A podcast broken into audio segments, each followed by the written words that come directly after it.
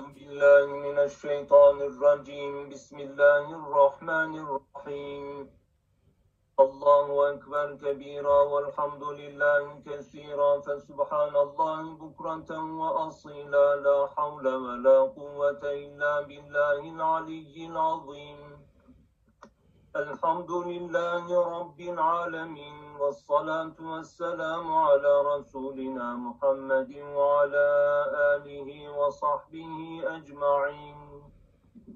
اللهم إني أدعوك دعاء المحتاجين المتضرعين والخائفين الراجين. وأسألك يا الله يا حي يا قيوم يا ذا الجلال والإكرام. أن تغفر لي ولإخواني وأخواتي وأصدقائي وصدائقي وأحبائي وأحبابي في كل أنحاء العالم وفي كل نواح الحياة. وتستر عيوبنا وتحيينا حياة الأبرار والمقربين. وتجعلنا مع المتقين المصطفين الأخيار. اللهم كما هديتنا إلى الإيمان والإسلام. فوفقنا إلى حقيقة الإحسان وزدنا إيمانا ويقينا وتوكلا وتسليما وإخلاصا وصدقا ومعرفة ومحبة وعشقا. واشتياقا لقائك اللهم إنا نسألك الثبات في الدين. اللهم إنا نسألك الثبات في الدين. اللهم إنا نسألك الثبات في الدين. والتوجه إلى ذروة اليقين. والشكر على نعمك التي لا تحصى ونعوذ بك من تجاوز أعدائنا من الجن والإنس. ومن مكر الماكرين وكيد الكائدين وإفساد المفسدين وإضلال المضلين. يا من وسع كرسيه السماوات والأرض يا من هو قادر على كل شيء. اجعلنا في حفظك ورعايتك وكلاءتك ولا تكلنا إلى أنفسنا ولا إلى أحد من خلقك. وافتح لنا خزائن رحمتك واجعلنا من خيار عبادك وأغننا عمن سواك. وصلى الله على سيدنا محمد وعلى آله وصحبه أجمعين. آمين. بسم الله الرحمن الرحيم. يا أهل الكتاب قد جاءكم رسولنا يبين لكم يبين لكم كثيرا مما كنتم تخفون من الكتاب ويعفو عن كثير. قد جاءكم من الله نور وكتاب مبين. Maide suresi 15. ayet Ey ehli kitap! Kitaptan, Tevrat'tan gizlediklerinizin çoğunu size beyan eden, birçoğunu da yüzünüze vurmayarak affeden Resulümüz size gelmiş bulunuyor. İşte size Allah tarafından bir nur ve hakikatleri açıklayan bir kitap geldi. Açıklama. Ehli kitap, Hazreti Muhammed Aleyhisselam'ın vasıfları başta olmak üzere bir kısım hükümleri gizliyorlardı. Hazreti Peygamber bunların bazısını açıkladı, gerekli olmayan bazılarını bildirmedi. Kur'an, iman esaslarını, peygamberlerin getirdiği evrensel ilkeleri, din ve dünyada insanların muhtaç oldukları hükümleri açıklayan kitabı mübindir. Önceki iki ayette bir tanesinde Yahudilerin misaklarını bozarak Allah'ın gazap ve kahrını celbedebilecek bir duruma düşmelerine ondan sonraki ayette de Hristiyanların Allah'a verdiği misakları bozarak aralarında çok parçalanma ve bölünmelere sebebiyet veren felaketlerine dikkat çektikten sonra özellikle hem Yahudilere hem de Hristiyanlara aslında onun şahsında kitap, Kur'an-ı Kerim kendi cemaatine ve sonra bütün insanlığa hitaben onların yaptıkları yanlışlıkları tasih etmek için Kur'an-ı Kerim'i gönderdiği veya Efendimiz Aleyhisselatü Vesselam'ı gönderdiğini ifade ediyor. Bu temel bir prensiptir. Her peygamber bir önceki peygamberin arkada bıraktığı şeyleri eğer cemaati tahrif etti ise tahriflerini ayıklamak, tasih etmek, hala doğru kalan şeyler varsa onları tasdik etmek için gönderilmiştir. Efendimiz Aleyhisselam da son peygamber olarak kendinden önce gelen İsa Aleyhisselam ve Hristiyanlık, Musa Aleyhisselam ve Tevrat ve daha öte Hazreti Adem Aleyhisselam'a kadar gelmiş bütün peygamberleri peygamber olarak tasdik etmiş. Onların dinlerinden arkaya kalan doğruları tasdik etmiş ve eğer beşer tarafından yapılan tarifatlar varsa ki var olduğunu yukarıdaki ayetlerde harflerin yerini değiştirmek, manalarını bozmak tabirleriyle anlattı. İşte bunları da tahsih etmek üzere gönderildiğini ifade ediyor. Mealinden de çok net anlaşılacağı gibi ehli kitap, ey ehli kitap, kitaptan yani Tevrat'tan gizlediklerinizin çoğunu Allah beyan etmiş. Bu 13. ayette de geçmişti. Allah onların bütün kusurlarını yüzlerine vurmamış. İmana alakadar eden hususlarda daha çok imansız olmasınlar, aman cehenneme gitmesinler diye şefkatinden dolayı iman noktalarındaki hatalarını söylemiş ama bütün kusurlarını da söylememiş. İşte sen onların gizlediklerinin çoğunu da onlara söylemedin diyor. Ama birçoğunu da onlara söyledin.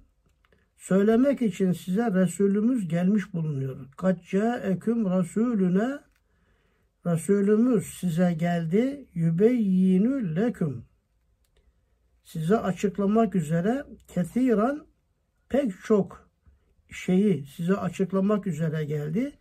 Mimma kuntum tuhfune minel kitap. Siz onu daha önce Tevrat'ta da olduğu halde gizlemiştiniz.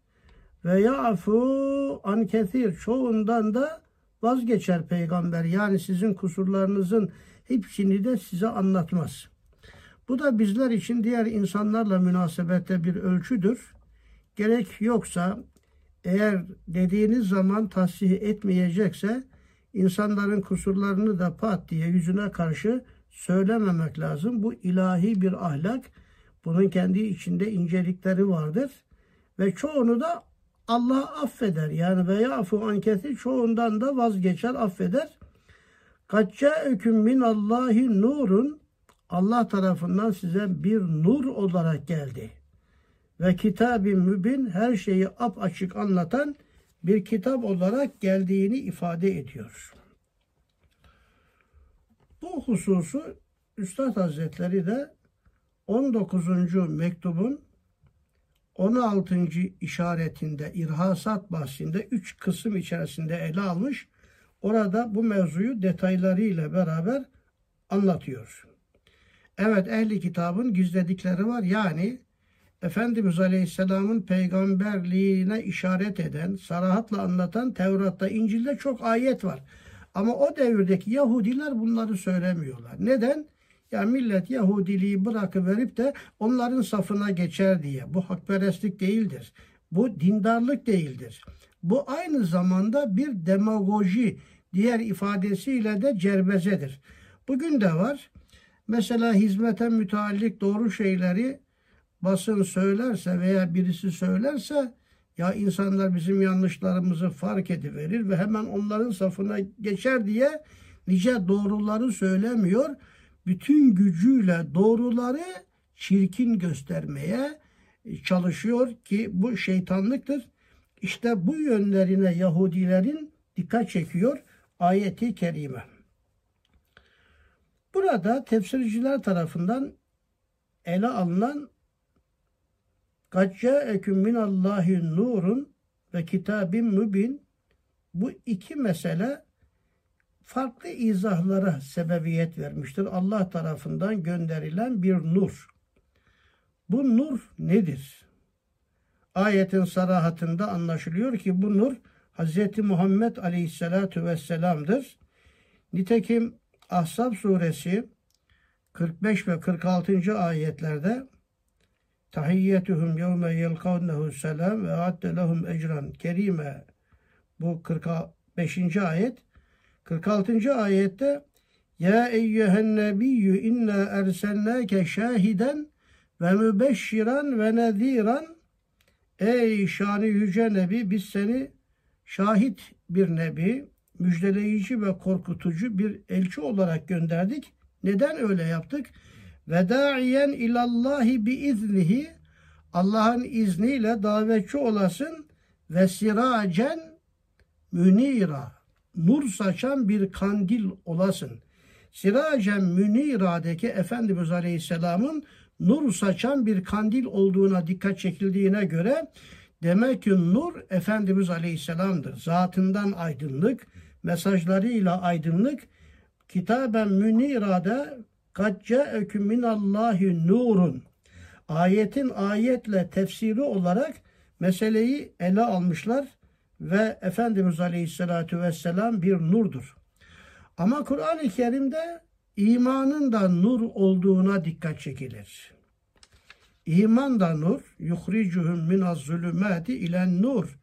Allah onları zulmetten nura yani küfürden imana öyleyse Efendimiz Aleyhisselatü Vesselam demek nur demektir. Nur demek iman demektir. Öyleyse sonuçta Hz. Muhammed Aleyhisselatü Vesselam da nur gibi bir imanı temsil eden her yönüyle aydınlık. Yani şu cümle önemli.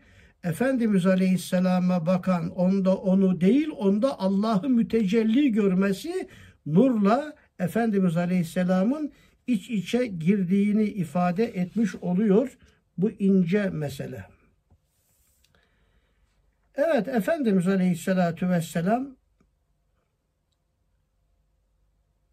nur olarak geldi. Bir de elinde nurun merkezi olan bir kitap var. Ve kitabim mübin. Ap açık, her şeyi ap açık anlatan bir kitap.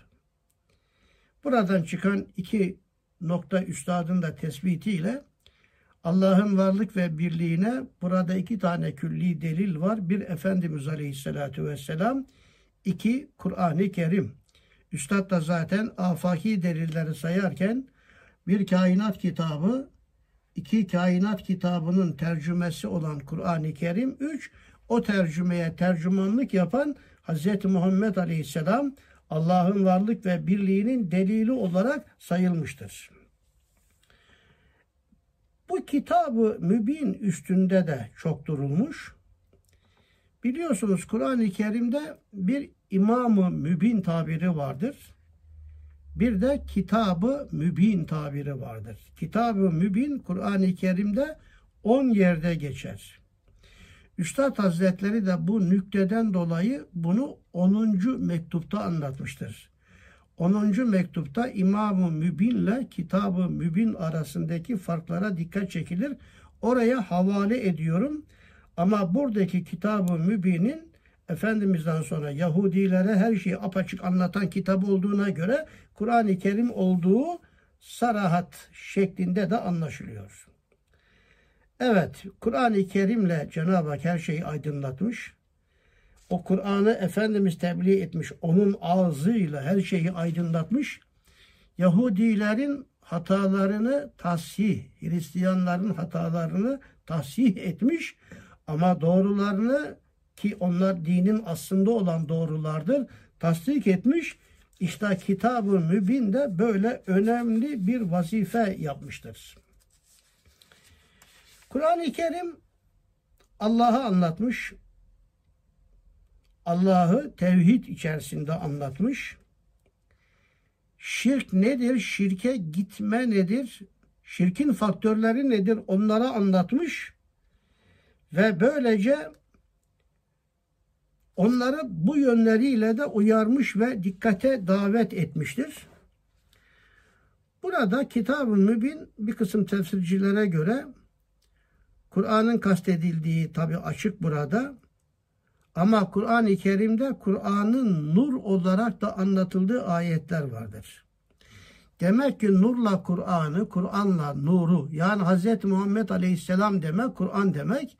Kur'an demek Hz. Muhammed Aleyhisselam demek. Başka bir deyişle Kur'an kelami Efendimiz Aleyhisselam da fiili bir Kur'an.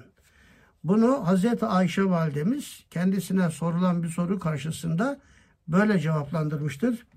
Ata İbni Reba Efendimizin vefatından çok sonra gelmiş Hazreti Ayşe validemize ey anamız bize Efendimiz Aleyhisselam'ın ahlakından bahsetseniz onun ahlakı nasıldı? Efendimizin ahlakı. Hazreti Ayşe validemiz de demiş siz Kur'an okumuyor musunuz? Onun ahlakı Kur'an'dı. O fiili Kur'an'dı. Onun için Efendimiz'e de kitabı mübin de denebilir. Nur da denebilir. Kur'an-ı Kerim'e de kitabı mübin de denir. Nur da denir. Bu iki varlık aslında birbiriyle iç içe mütalaa edilmiş. Tefsirciler bu Kur'an'ın nur olması üstünde gerçekten durmuşlar. Kur'an-ı Kerim'in de nur olmasıyla alakalı bir Nisa suresi 174. ayet. Ya eyyühennes kad ca'ekum bürhanun min rabbikum. Ey insanlar size Rabbinizden bir bürhan, delil geldi. Ve enzelna ileyküm nuran mübine. Biz onu ap açık bir nur olarak indirdik. Demek ki Efendimiz Aleyhisselam nur olduğu gibi ayette Ashab suresi 46. ayette anlatılan ama aslında Kur'an-ı Kerim'in de bir nur olduğunu yine Nisa suresi 174. ayette görüyoruz. Onun için Kur'an-ı Kerim'de 55 tane Kur'an-ı Kerim'in farklı isimlerinden, lekaplarından bahsedilir. Bir tanesi de Kur'an-ı Kerim'in adı ilahi nurdur aynı zamanda. Tekrar ediyorum bu Nisa suresi 174. ayet. Bir de Kur'an-ı Kerim'de yine Resul Aleyhisselam'ın ve indirilen Kur'an'ın ikisinin de ikisini de için alarak e, nur ifadesi vardır. Tegabün suresi 8. ayet. Billahi ve rasulihi ve nurillezî enzelne vallahu bima ta'melûne habir. Allah'a iman edin, Resulüne iman edin. Edin ki o nurdur, inandığınız nurdur. Yani hem kitap nur hem Efendimiz Aleyhisselatü Vesselam da nurdur. Ayrıca bazı müfessirlere göre nurdan maksadın İslam, İslam da bir nurdur. İnsanlığı aydınlatan. Dini İslam da bir nurdur. E zaten İslam Kur'an'ın hayata yansımasıdır.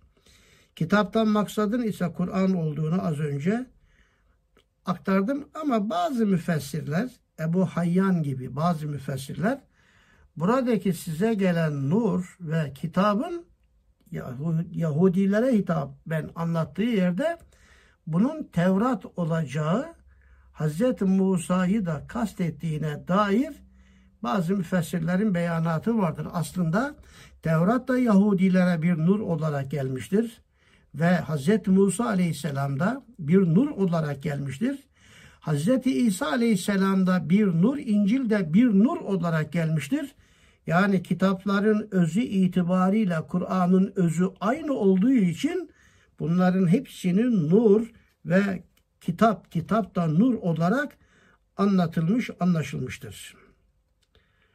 Tuhfune minel kitap ve yafu an kethir. Bunun üstünde de çok durmuşlar. Az önce zikrettiğim için geçiyorum. Kitaptan gizlediğiniz pek çok şey size açıklandı. Açıklamak üzere Hz. Muhammed Aleyhisselam gönderildi. Evet, birçoğundan da size affetti. Yani bütün kusurlarınızı söylemedi. Bu az önce de anlaşılıyor zaten. Mesela anlaşılmış oldu. Sonuç olarak diyebiliriz ki Cenab-ı Hak şöyle demek istiyor. Ey ehli kitap Hz. Peygamber devrine ulaşan Yahudilere ve Hristiyanlara hitap eden olan, onların şahsından ta kıyamete kadar bütün Yahudi ve Hristiyanlara hitap eden ayetin nur diyerek Kur'an'ı kastetmiş olması ve Efendimiz Aleyhisselam'ı kastetmiş olması daha açık, daha ayan ve daha beyan görünüyor.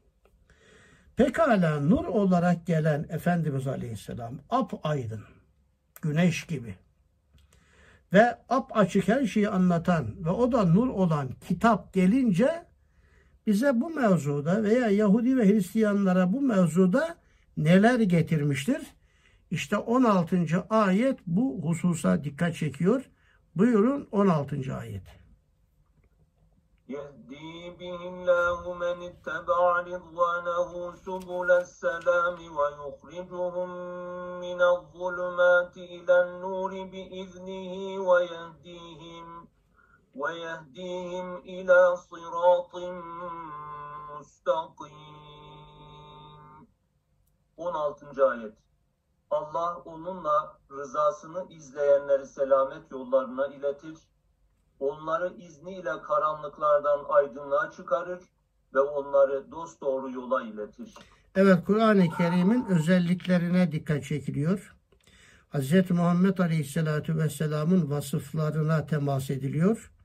Kur'an-ı Kerim, Kur'an-ı Kerim'e tabi olan, o nurun etrafında pervane olan kimseler için onları karanlıklardan aydınlığa çıkarır. Bu küfürden imana çıkarır demektir ki 23. sözde yuhricuhum minaz zulümati ilen nur ayetinin tefsiri de böyle. Allah onları zulmetten nura yani küfürden imana çıkartır. Burada iman küfür muvazenesi var. Bu ayetin tefsiri için iman küfür muvazeneleri kitabını aslında baştan sona okumak lazım. Çünkü iman sadece ahirette cennete götürür, cehennemden kurtarır değildir. Küfür de cennetten mahrum eder, cehenneme götürür değildir. İman bir insanın iç dünyasını aydınlatır, hayatını aydınlatır, kainatı kademe kademe lahana yaprağı gibi açtık sıra kainat kademe kademe esma ilahiyenin tecelliyatıyla ap aydın olur, cennetini bile dünyada yaşar. Onun için Kur'an-ı Kerim hayatımızı, aklımızı, fikrimizi, hissiyatımızı ap aydın hale getirir. Kainat da ap aydın hale gelir ve huzurlu, mutlu oluruz. İşte Kur'an-ı Kerim bunu temin etmek için gelmiştir. Allah'ın izniyle tevhid akidesine dikkat çekiyor. Bir iman noktasıyla bizi aydınlıklara çıkartmak için gelmiştir Kur'an. İki, ve yehdihim ila sıratı müstakim bir de sırat-ı müstakime hidayet için amellerde, ibadetlerde, ahlakta, iktisatta, siyasette, hukukta yani hayatın bütününde Kur'an-ı Kerim bizi ifratlardan ve tefritlerden masum ve mahfuz kılarak bizi sırat-ı müstakime hidayet etmek için gelmiştir. Burada iki özellik görünüyor ama Kur'an'ın bütün özelliklerini içinde toplayan cami ayetlerden bir tanesidir bu. İmanda bütünüyle güneş gibi nura alemi aydınlatıyor. Amelde ise hukukta, ahlakta vesaire ibadetlerde ise sırat-ı müstakime hidayet etmek için Cenab-ı Hak nur olan Hz. Muhammed Aleyhisselam ve Kur'an'ı ve kitab-ı mübin ki o da nurdur ve kitaptır ap açık. Bunları işte bunun için gönderdiğini hem bize hem de ey ehli kitap bağlantısında yukarıdaki ayetlerde ifade etmiş. Yani Tevrat ve İncil ehli kitap cemaatine da ifade etmiş oluyor.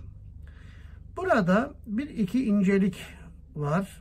Yehdi bihi veya yehdi bihille. Yehdi bihille Allah onunla sizi hidayete iletir, iletiyor. Yani fiil muzari ile mesela yehdi kelimesi fiil muzaridir Arapçada. Muzari hale ve istikbale delalet eder. Onda donukluk yok. Sabitlik yok. Belli bir noktada kalıp durma yok.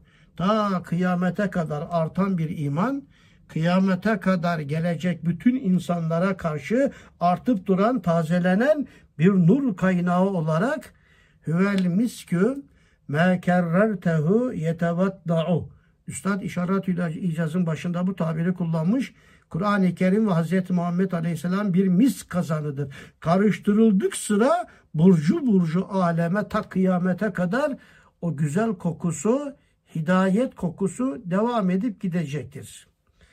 Bu yehdi kelimesi önemliydi ve Cenab-ı Hak bu kelimeyi burada hem Kur'an'ın nur olması yani iman noktasıyla kullanmış, iki defa kullanmış yani. Hem de sırat-ı müstakime hidayet. Ayetin başında yehdi bihillah var. Tamam imanda. Geç aşağıya yine ve yehdihim ila sırat-ı müstakim. Yehdi kelimesini Cenab-ı Hak iki defa kullanarak hem ibadetlerde hayatın bütün noktalarında artan bir hidayet bu da Kur'an-ı Kerim'in delillerinin manasının da gittikçe açıklanarak artması manasına gelir. Ayet-i kerimede dikkat çeken bir tabir var. Allah'ın rızasına yani rıdvanehu demek ki Allah'ın rızasını kazanabilmek için iki şeye dikkat çekmek, dikkat etmek gerekir. Bir, Kur'an-ı Kerim'in apaçık anlattıklarına İki, onun fiili temsilcisi olan Hz. Muhammed Aleyhisselam'a bunlara riayet etmeden Allah rızasını kazanmak mümkün değildir. Ama Kur'an yolu, iman yolu nasıl bir yoldur? Bir sırat-ı müstakimdir. Burada da iki vurgu var. Bir de sübül, sübüle selamdır. Yani selamet yollarıdır. Selamet yolları kavramı üstünde çok durmuşlar. Tefsirlere baktım dört farklı mana olabilir demişler. Kurtuluş yolları demektir. Lügat manasıyla Sübülüs Selam kurtuluş yolları demektir. İbn Hacer'in Sübülüs Selam ila Bülugul Meram diye dört ciltlik bir hadis kitabı da vardır. Buradan iktibasla kitaba ismini koymuş. Sübülüs Selam. Sübül kelimesi yollar demek sebil kelimesinin çoğuludur. Selam da işte mana kurtuluş ifade ediyor. Ama özellikle bu selam kelimesi üstünde çok durmuşlar. Esenlik, kurtuluş, maddi ve manevi her türlü zarardan, kötülüklerden, korkudan uzak kalma, dünyevi ve uhrevi musibetlerden kurtulma manasına geliyor selam kelimesi. Birinci olarak bu mesele. İkinci olarak selam bildiğiniz gibi Allah'ın isimlerinden Esmaül Hüsna içinde yerini alan isimlerinden bir tanesidir ki Haşir suresi 23. ayette geçen Lehul Esmaül Husna'den önce Huvallahüllezî la ilahe illahu el melikül kuddüsüs selam ilahir Allah'ın isimleri orada sayılırken Melik, El Kuddüs, Esselam olarak sayılır ki selam Esma-i Hüsna'dan bir tanesidir.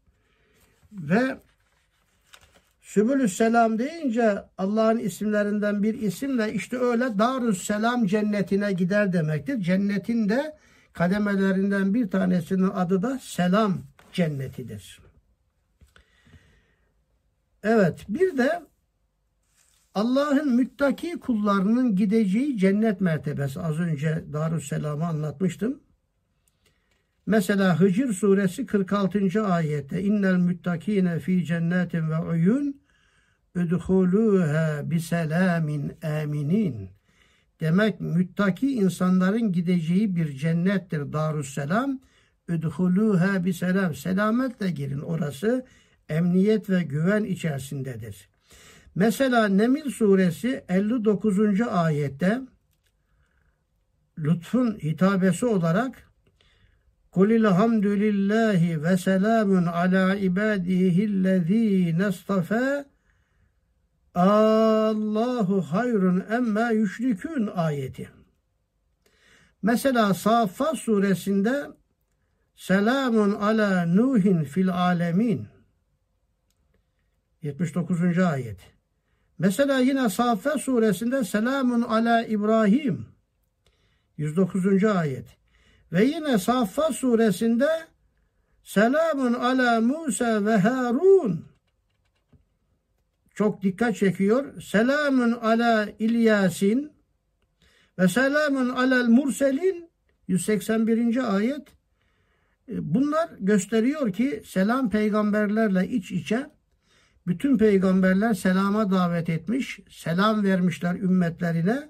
Selam kelimesi İslam dendiği zaman ki İslam kelimesiyle selam kelimesi de aynı kökten geldiği için burada sübülü selam dendiği zaman yani İslam'ın yolu olarak da meseleyi anlamak, ifade etmek mümkündür. Evet selam hadis-i şeriflerde de geçiyor. Efendimiz Aleyhisselatü Vesselam dualarında bizde farz namazdan sonra bunu söyleriz. Bazen kendimiz söylemeliyiz aslında ama müezzin de söyler. Allahümme entes selam ve minkes selam fehayyina bis selam tebarekte ve tealeyte ya zel celali vel ikram. Müslim mesacitte, darimi salatta, İbn Mace ikamede ve selam bölümünde Efendimizin duası olarak bu hadisi şerifi nakletmişler. Allah'ın sensin selam, Allah'ın adı da selam. Allah selam ve sendendir her türlü selam. Sensin selam, sendendir her türlü selam. Bu da sübülü selam oluyor. Bütün bunların toplamı da işte Kur'an-ı Kerim ve Efendimiz Aleyhisselatü Vesselam bizi bütün bunları içine alan sübülü selama hidayet ediyor. Karanlıklardan imana çıkartıyor. Dünyada mutluluk ve bir de hukukta, siyasette, ahlakta, ibadette, bütün yönlerde hayatın bizi sırat-ı müstakime davet ediyor. Sırat-ı müstakim tabiri Kur'an'da çok geçtiği için özellikle Fatiha suresinin de bütün Kur'an'ın özü olan Fatiha suresinin de özünde, ruhunda ihtina sırata müstakim. Orada bunun üstünde genişçe durmuştuk ve bundan da böylece geçmiş oluyoruz. Üstünde gerçekten çok durmak lazımdır. Eğer Kur'an-ı Kerim'i bu şekilde bir şeye daha temas etmeliyim. Çünkü Fatiha suresinde sırat-ı müstakim, ihtinas sırat-ı müstakim diyoruz. Sonra da sırat-ı lezine en'amte aleyhim. O yolda sırat-ı müstakimde sadece biz gitmiyoruz ki. Kur'an anlatmamış ki. Daha önce o yolda gidenlere de nimet verdin. Demek ki Efendimiz Aleyhisselam'dan önce ta kıyamete Hazreti Adem'e kadar Efendimiz Aleyhisselam'dan önce ta Hazreti Adem'e kadar bütün peygamberler o yolda gitmişler gelmişlerdir. En'amte aleyhim sırat-ı müstakim o yolda yürümek bizim için nurdur, aydınlık bir yoldur. Ve işte en'amte aleyhimdeki o Allah'ın verdiği nimetler yolu da Kur'an-ı Kerim'de Nisa suresi 68-69. ayetlerde anlatılır lemalar 7. lemanın sonunda anlatıyor. Üstad bu hususu, hususa dikkat çekmiş. فَاُولَٰئِكَ مَعَ الَّذ۪ينَ اَنْعَمَ اللّٰهُ عَلَيْهِمْ مِنَ النَّبِيِّينَ ve sıddikin ve şühede ve salihin ve hasune ülaike refika. Fatiha'da en'amte aleyhim Nisa suresi 68-69'da fe ülaike ma'allezine en'amallahu aleyhim Orada kapalı, burada sıddıkin, nebiler, sıddikler, şehitler ve sülaha cemaatinin bu yolda giden cemaat olduğuna dikkat çekiyor ve Kur'an-ı Kerim işte bizi böylece o geniş caddeye davet ediyor. Bu kadar ısrarlı davetlere rağmen acaba tevhide davete rağmen Hristiyanlar hala acaba ne diyor? Yahudiler ne diyor? Şimdi 17. ayette Hristiyanların bazı sözlerine dikkat çekiyor. Buyurun.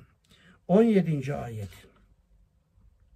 لقد كفر الذين قالوا إن إن الله هو المسيح ابن مريم قل فمن يملك من الله شيئا إن أراد أن يهلك المسيح ابن مريم وأمه ومن في الأرض جميعا ولله ملك السماوات والأرض وما بينهما يخلق ما يشاء والله على كل شيء قدير 17. ayet Allah Meryem'in oğlu Mesih'tir diyenler kesinlikle kafir olmuşlardır. De ki eğer Allah Meryem'in oğlu Mesih'i annesini ve dünyada bulunanların hepsini imha etmek istese ona karşı kimin elinden bir şey gelir? Kim onu engelleyebilir? Doğrusu göklerin, yerin ve ikisi arasında olan bütün varlıkların hakimiyeti Allah'a aittir. O dilediğini yaratır. Allah her şeye kadirdir. Evet bu ayeti kerime akli ve mantiki olarak Hristiyanların testis akidesinin tenkidini yapıyor.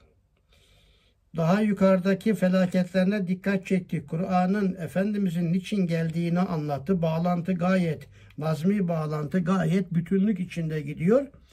Hristiyanların da Allah, Meryem ve Hazreti İsa.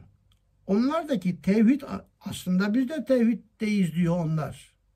Nasıl bir tevhid bu? Ya işte üçünü bir yapıyoruz ya. İşte bu tevhid değil, bu şirk.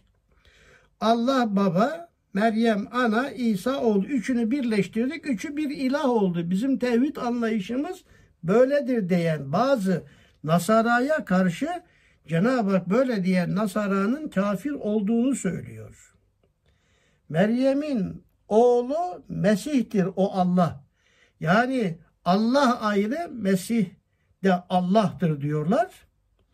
Şimdi Cenab-ı Hak burada onların bu düşüncesinin aklende, mantıken de sakat olduğunu anlatıyor. İkna etmeye çalışıyor onları. Nasıl ikna ediyor? Kul de ki sen onlara Femen yemlekü minallahi şeyen Allah'tan yani bir şey Allah'tan nasıl kurtarılır? Kim kurtarabilir ki? İn erade en yuhlikel mesih habne Meryem'e ve ümmehu yani eğer bunlar ilah olsaydı o zaman Meryem ölmemesi gerekirdi. Kendine faydası yok ölmüş. E Mesih çarmıha gerildi diyorsunuz. Ya ilah olsa kendisini çarmıha gerdirtir mi? O da semaya çıktı veya onlara göre öldü. Ya nasıl olabilir diyor. Yani böyle bir ilah anlayışı olabilir mi? Kendisine faydası olmayan, kendisine zararı olmayan nasıl ilah olabilir? Burada çok derin bir mesele var ki bu meseleyi Kur'an-ı Kerim bir mantık olarak hep kullanmıştır. Mesela İbrahim Aleyhisselam babasına demiş ki ya baba niye tapıyorsun bu putlara? Sana faydası var mı? Yok. Zararı var mı? Yok. Söylesen işitir mi? Yok. İstesen verir mi? Yok. Ya öyleyse böyle faydası zararı olmayan bir puta niye tapıyorsun? Bu genel bir mantıktır. Müşriklere karşı Kur'an-ı Kerim'in kullandığı bir genel mantıktır. Aynı mantığı burada Kul femen yemliku minallahi şey'en in erade en yuhlikel mesih habne Meryem'e Mesih habne Meryem'e ve ümme ifadesinde de kullanmış oluyor. Gerçekten dünyanın fani olduğuna, Meryem de fani, Mesih de fani. E bu fani olanlar ilah olamaz. Çünkü ilah dendiği zaman onun baki olması lazım. Bu mesele tevhid akidesi içinde de genişçe tahlil edilmelidir. Burada bir incelik daha var ki Allah Mesih'e Meryem vasıtasıyla hulul etti. Hululiye akidesi.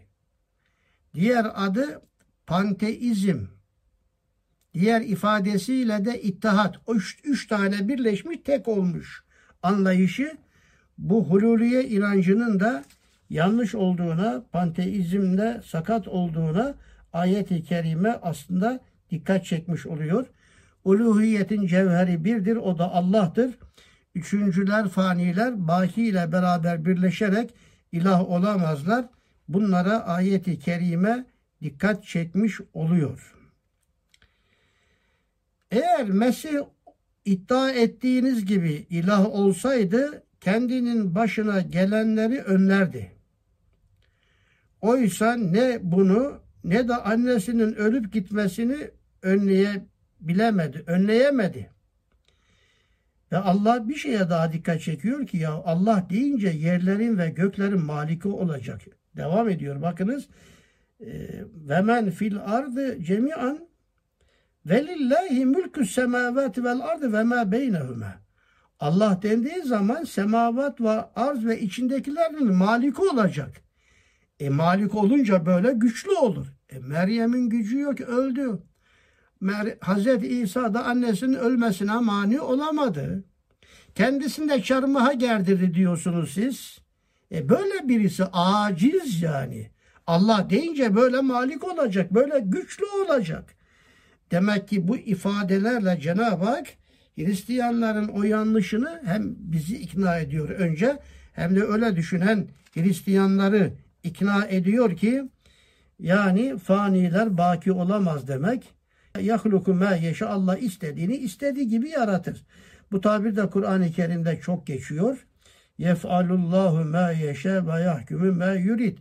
Yani burada yahluku ma yeşe'yi nasıl anlamak lazım? Ayetin yukarıdaki bağlantısıyla ya Meryem'in babasız yani kocasız İsa'yı dünyaya getirmesini niye onların ilahlığına veriyorsunuz ki? Allah istediği şekilde yaratır. Burada yaratan istediği şekilde yaratan Allah'tır ve yaratıcı Allah onlar da mahluktur. Zaten mahluk da halik olamaz şeklinde aslında derin bir Hz. İsa'nın yaratılışının meşiyeti ilahi olduğuna dikkat çekerek onun böyle yaratılması onun ilah olduğunu göstermez ifadesiyle ayetin de sonu zaten vallahu ala kulli şeyin kadir Allah'ın gücü her şeye yeter ifadesiyle tamamlanmış oluyor. Okuduğumuz 17. ayette Hristiyanları ikna etmek için Kur'an-ı Kerim Efendimiz Aleyhisselam gayret sarf etti. Şimdi 18. ayette de Yahudilerin yanlışlığına dikkat çekerek onların şirke gitmesinden onları alıkoymak için yanlış düşüncelerinde onları ikna etme delilleri getirecek. Şimdi geldik 18. ayete. وقالت اليهود والنصارى نحن أبناء الله وأحباؤه. قل فلم يعذبكم بذنوبكم؟ بل أنتم بشر ممن خلق. يغفر لمن يشاء ويعذب من يشاء. ولله ملك السماوات والأرض وما بينهما وإليه المصير 18. ayet Hem Yahudiler hem de Hristiyanlar biz Allah'ın evlatları ve sevgilileriyiz, sevgilileriyiz dediler. De ki öyleyse niçin Allah sizin günahlarınız sebebiyle cezalandırıyor? Hayır bilakis siz onun yarattığı birer beşer topluluğu, topluluğusunuz. Allah dilediğini affeder, dilediğini cezalandırır. Göklerde, yerde ve ikisi arasında olanlar olan her şeyin hakimiyeti Allah'ındır. Dönüş de ona olacaktır. 18. ayette de Yahudilere dönük ama aslında burada Hristiyanlara da verilen dersler var. Ayetin meali münifini okuduk, okudunuz.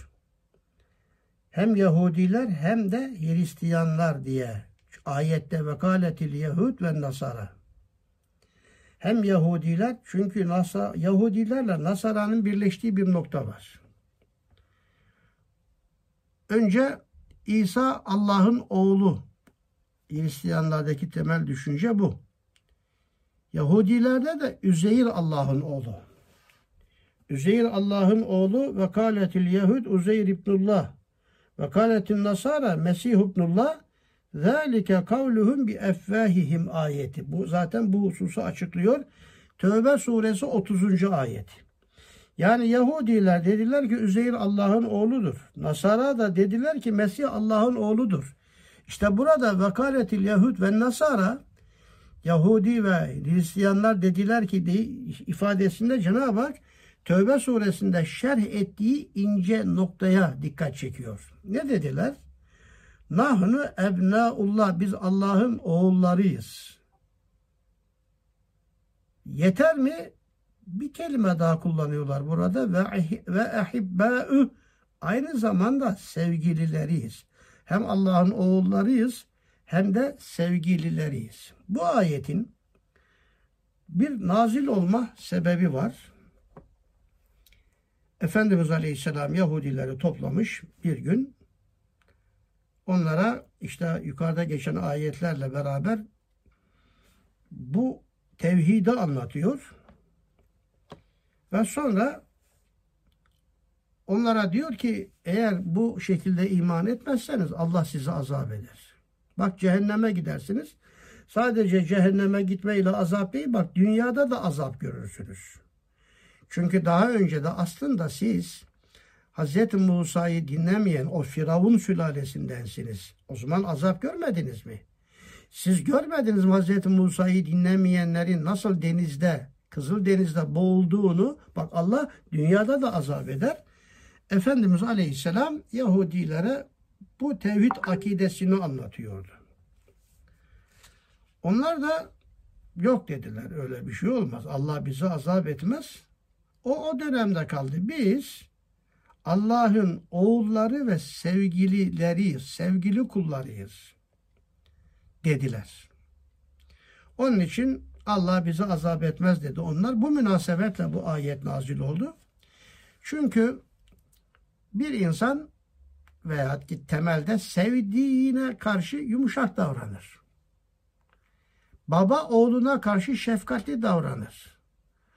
Onun için biz Allah'ın oğulları olduğumuzdan Allah bize şefkatli davranacaktır. Tıpkı bir babanın çocuğuna karşı olan alakası gibi azap değil. Ya bak e, böyle deme deyince yok canım biz aynı zamanda bir de sevgilileriyiz. Yani ebnaullah ile ve ahibbâ'ühün yan yana gelmesi Yahudilerin e, ısrarla cennete gitme iddialarının kendileri tarafından vurgulandığına dikkat çekiyor. Ve Hz. Peygamber'in bu daveti tamamen barışçı bir davetti. Ama onlar inanmadılar. Ve bu münasebete bu ayeti kerime nazil oldu. Ayette geçen Yahudi ve Nasara biz Allah'ın oğullarıyız ve sevgilileriyiz sözü üstünde farklı yorumlar yapılmış, tefsirler yapılmış. Allah'ın oğlu dedikleri Yahudiler Hazreti Hüzeyre mensup olduklarını ifade etmek istiyorlar. Biz Allah'ın oğullarıyız demek biz Üzeyr'in de neslinden geliyor. Çünkü Üzeyr Allah tarafından çok sevilen bir insan. Üzeyr aleyhisselamın vekaletil Yahud Uzeyr ibnullah demeleri. Yani Üzeyr Allah'ın oğludur demeler Yahudiler. Niye Musa Allah'ın oğlu demiyor? Yakup veya bir başka peygamberi söylemiyor. İsrail oğullarına çok peygamber gelmiş yani. Niye onlar Allah'ın oğlu demiyorlar da Üzeyr Allah'ın oğlu diyorlar? Çünkü İsrail oğullarını derleyip toparlayan, Musa Aleyhisselam'a gelen bütün Tevrat nüshalarını bir araya getiren, onları tekrar kitap halinde diğer insanlara anlatan çok önemli bir peygamberdir Hazreti Üzeyr Aleyhisselam. Kudüs'ü yeniden inşa etmiş, hayat vermiş, orayı canlandırmış. Yani Üzeyr Aleyhisselam'ın sair peygamberler içinde bir değeri var, farklılığı var Yahudilerin nazarında.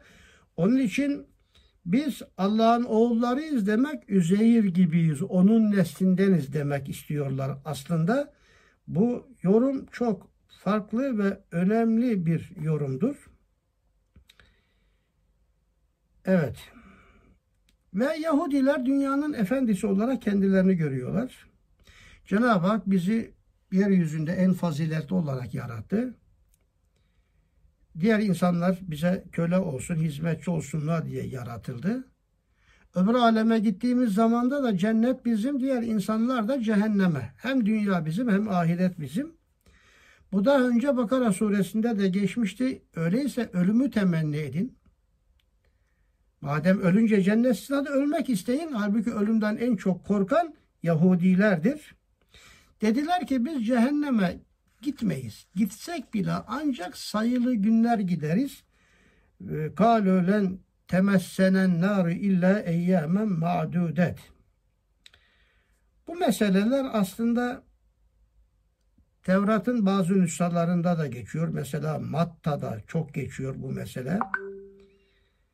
İlim adamları bu ifadelerin mecaz olduğu yani Allah'ın büyüklüğünü, yüceliğini, şefkat ve merhametini ifade ettiği kanaatini serdetmişler. Ehli kitap burada babanın bazen oğlunu sevmeyebileceğini düşündüler. Dikkat buyurun buna. Başka yerlerde biz Allah'ın oğullarıyız diyorlardı. Burada ve ehibbâüh ilavesi var. Olabilir ki bazen baba çocuğunu sevmeyebilir, azap eder, Muhammed haklı çıkar. Onun için bir de bir sadece oğlu değil, aynı zamanda sevilen oğullarıyız ve ehibbâühün burada ilave edilmesi de bundan dolayıdır. Onun için ayet-i kerimede Cenab-ı Hak onlara cevap veriyor. Kul felime yuazzibukum. De ki onlara niçin Allah sizi azap ediyor? Bir zünübüküm günahlarınızdan ötürü Allah o zaman sizi niye azap etti? Tarihte Yahudilerin o kadar çok derbederliği var ki perişan yaşamışlar. Beşer tarihinde en derbeder yaşayanlar Yahudilerdir. Madem Allah sizi neye azap ediyor? Ve bir de hem de diyorsunuz ki biz cehenneme gitsek de 70 gün. O da bir azap. Bel entüm beşerun mimmen halak. O da yarattığı birer insandır. Yani Üzeyir de bir insandır. Hazreti İsa da bir insandır. Bu Yahudi ırkı Hristiyanlar da insanlardır. Diğer insanlar dünyada hangi şeylere tabi ise, müminse kurtulacak, kafirse azap çekecek.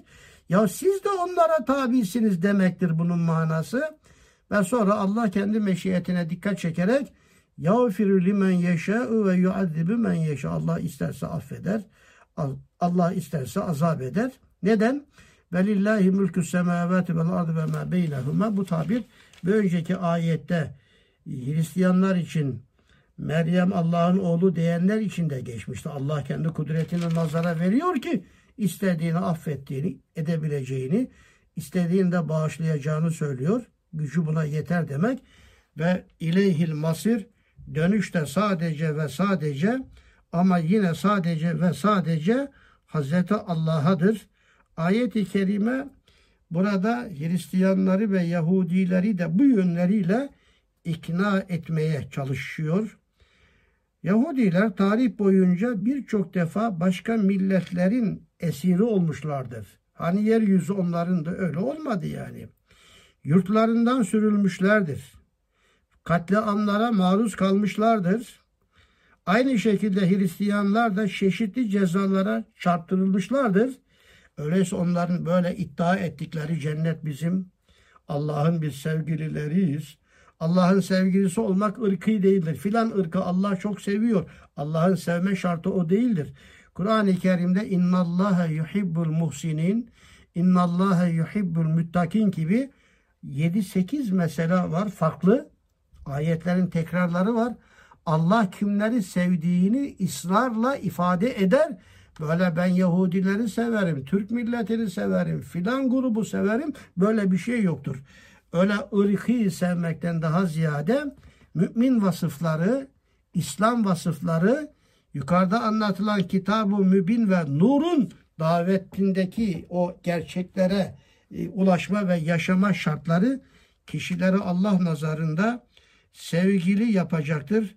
Öyleyse onlar Allah'ın oğulları değil, Allah'ın yarattığı sıradan insanlardır. Ayet buna dikkat çekiyor aslında mimmen halak Onlar Allah'ın oğulları değil. Sıradan her insan gibi sıradan yaratılan insanlardır. Her insan Allah'a dönecek ve ileyhil masir. Şimdi bu hususu anlattıktan sonra Cenab-ı Hak bir inceliğe dikkat çekiyor. Diğer insanlarla Efendimizin ümmeti var. Yahudiler geçti yukarıda.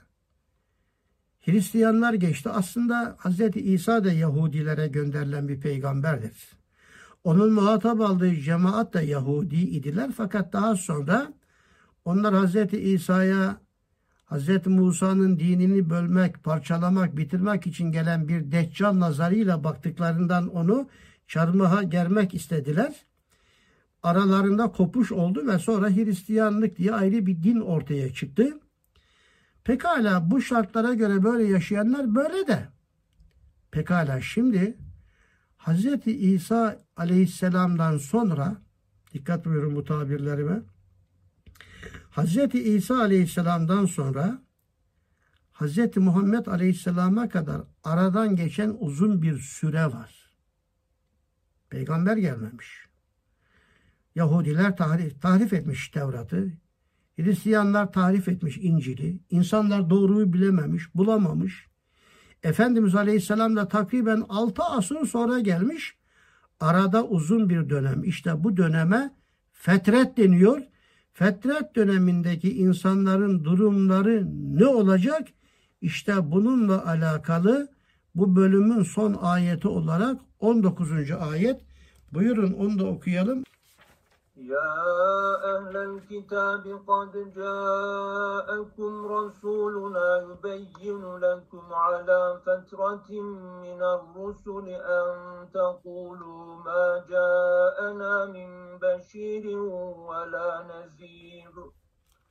فقد جاءكم بشير ونذير والله على كل شيء قدير 19. ayet Ey ehli kitap!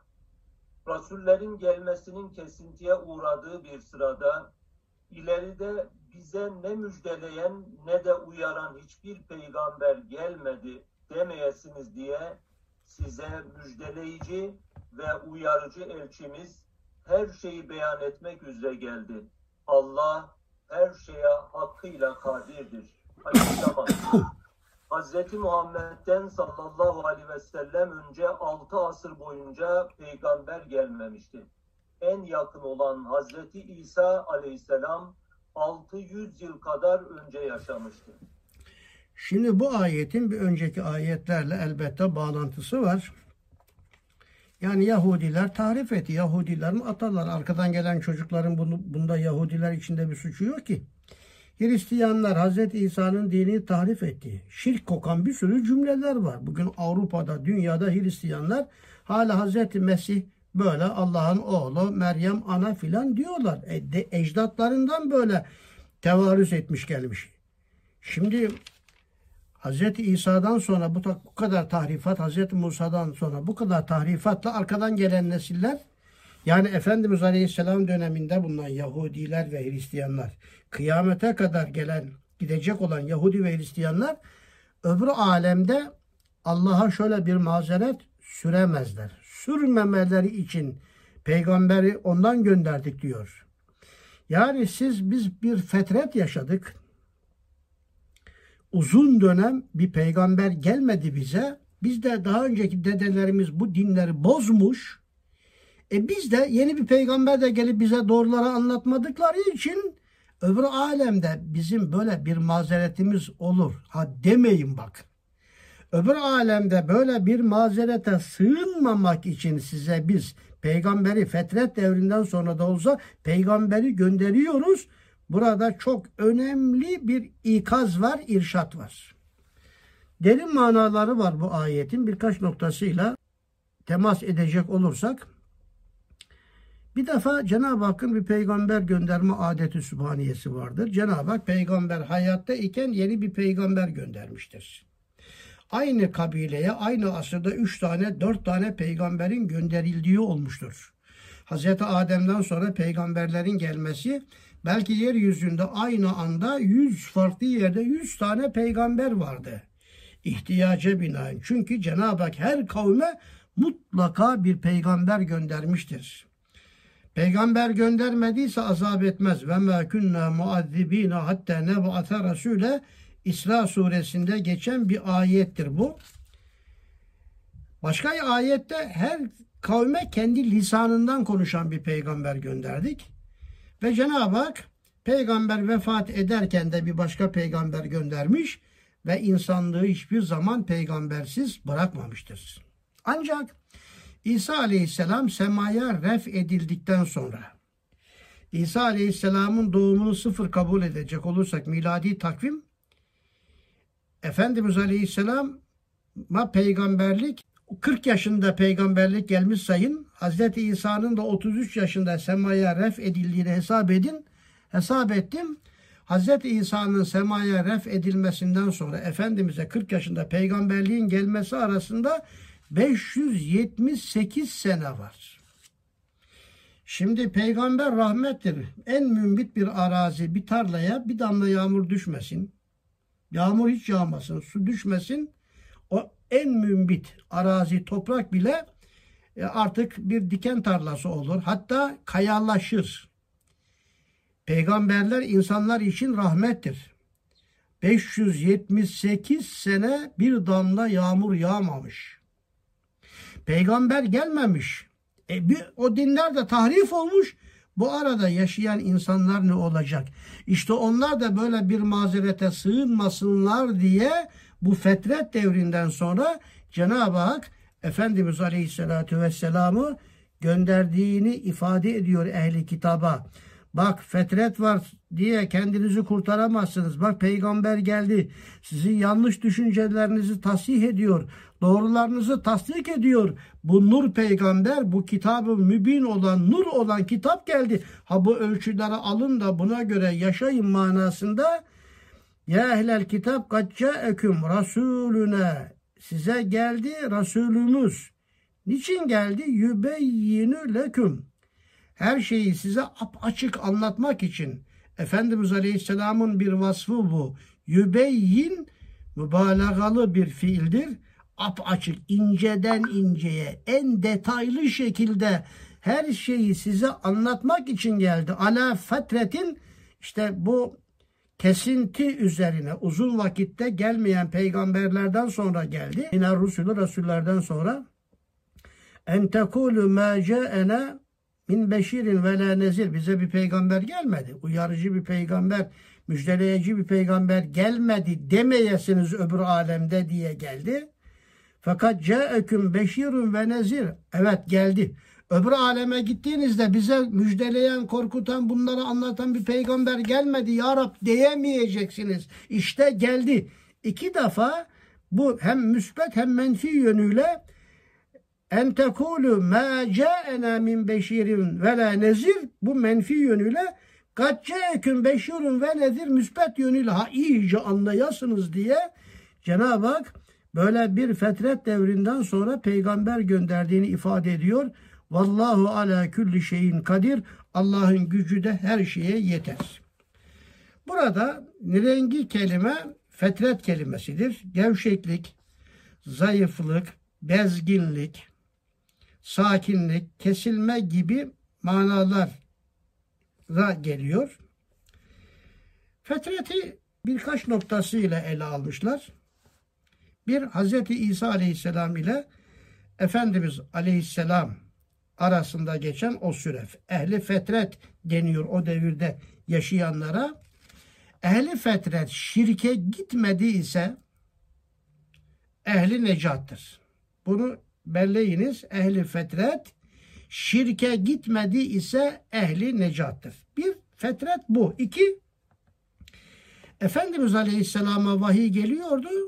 Fakat bazen bir ay, iki ay arada vahiy gelmedi. İşte bu döneme de fetret dönemi denmiştir. Fetretten bir de bu kastedilir.